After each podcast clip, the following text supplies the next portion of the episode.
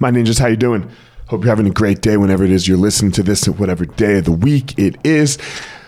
Look, let's remember, uh, and I'm saying this in, in in a coming from a place where I have not been doing very well for the last month or so. Okay, I'm fine. You know, like like you know, if you're following me on Instagram and, and all that stuff, you know, you know, you know, I'm dealing with this anxiety that I that uh, pops its head up every couple, every half decade to decade or so. Um, but I want to talk about the, a certain aspect of this, and that is, I didn't get into this in one day right? I, I, did. I didn't build myself to this point where uh, I'm having to deal with the anxiety in one day. And as uncomfortable as it is, one of the things that you really want is you want it to leave. Like you like, I, I want this un, I want this feeling of uncomfortable to leave. Well, like I just said, if I didn't get here in a day, it's not going to leave in a day. And this is what all of our mental practices are for. It's can you just deal with the uncomfortable? It's going to come. It comes for all of us. Every everyone's going to experience this. I'm not alone, you're not alone. No one's alone in this in this dealing with struggle and suffering in our lives.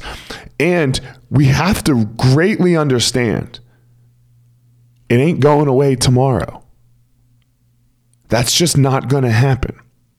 Okay, this is this isn't like uh, like the common cold where you know you, you you have a little bit of a scratchy throat one day and then you you drink some you know you take some vitamins you rest a little bit and it's gone the next day. We're, our brains, our bodies as a whole are, are they're always on a delay, right? They're always on a delay. For me, the actual anxious situation, any anxious situation or thing, I never get anxiety during that thing. It's always after. It's always the bill, it's always the the come down after where all that anxiety starts to come. And when I and then it comes. And maybe it's years later. Who knows? For all I know, maybe this is just being anxious over the last two years, trying to save the business, you know, trying to deal with the businesses, uh, with COVID, with leaving the fight team, with all this. Who, I don't know.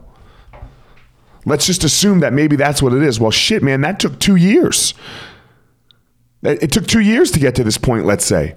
It's not going to go away, on, on, you know, because I, I meditated and journaled today. Now, look, I have to meditate, I have to journal, I have to do all of my steps but you have to do them consistently. You have to work your way out of this. It's just like improving at something. They're all the same. This is all the same concept. My kids want to get a better basketball shot. They're not going to go out and have 200 makes in one day and then just the next day be better. No, it's consistent work over time.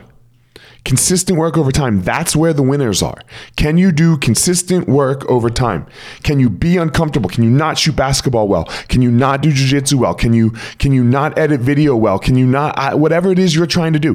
Can you not do it well? Can you not feel good and still show up and do the work?